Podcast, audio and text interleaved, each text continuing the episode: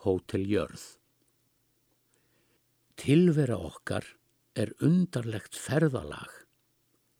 Við erum gestir og hótel okkar er jörðin. Einir fara og aðrir koma í dag því alltaf bætast nýjir hópar í skörðin. Og til eru ímsir sem ferðalag þetta þrá, en þó eru margir sem ferðalaginu kvíða. Og sumum likur reyðinar óskup á, en aðrir setjast við hótelgluggan og býða.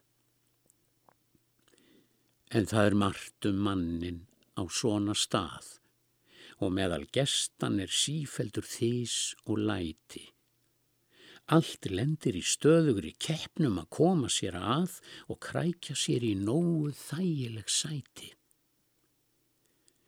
En þó eru sumir sem láta sér linda það að lifa út í horni, óáreittir og spakir, því það er svo misjamt sem mennirnir leita að og misjafn tilgangurinn sem fyrir þeim vakir. En mörgum finnst hún dýr þessi hóteldvöl, þó deilt sé um hvort hótelið sjálft muni græða. En við sem ferðumst eigum ei annars völ. Það er ekki um fleiri gisti staði að ræða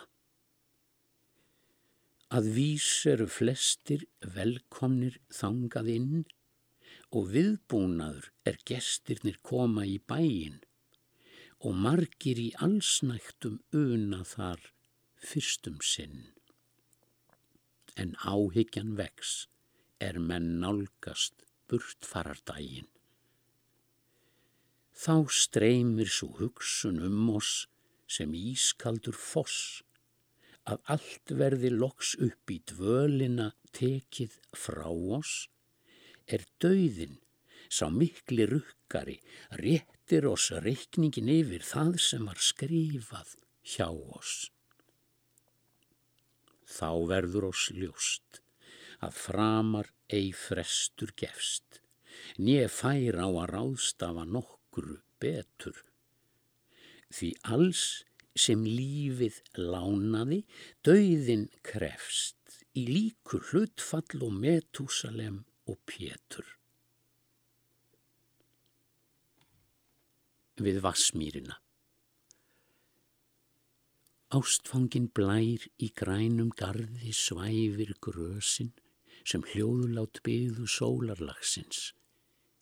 En nýri í mýri litla lóan æfir laugin sín undir konsert morgundagsins.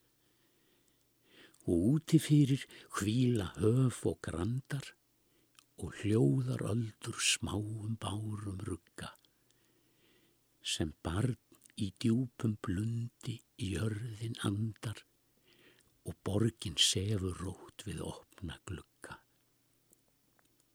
Og þögnin, þögnin hvíslar hálfum orðum. Hugurinn minnist söngs sem laungar dáin. Ó, sál mín, sál mín, svona komu forðum sumurinn öll sem horfin er í bláin.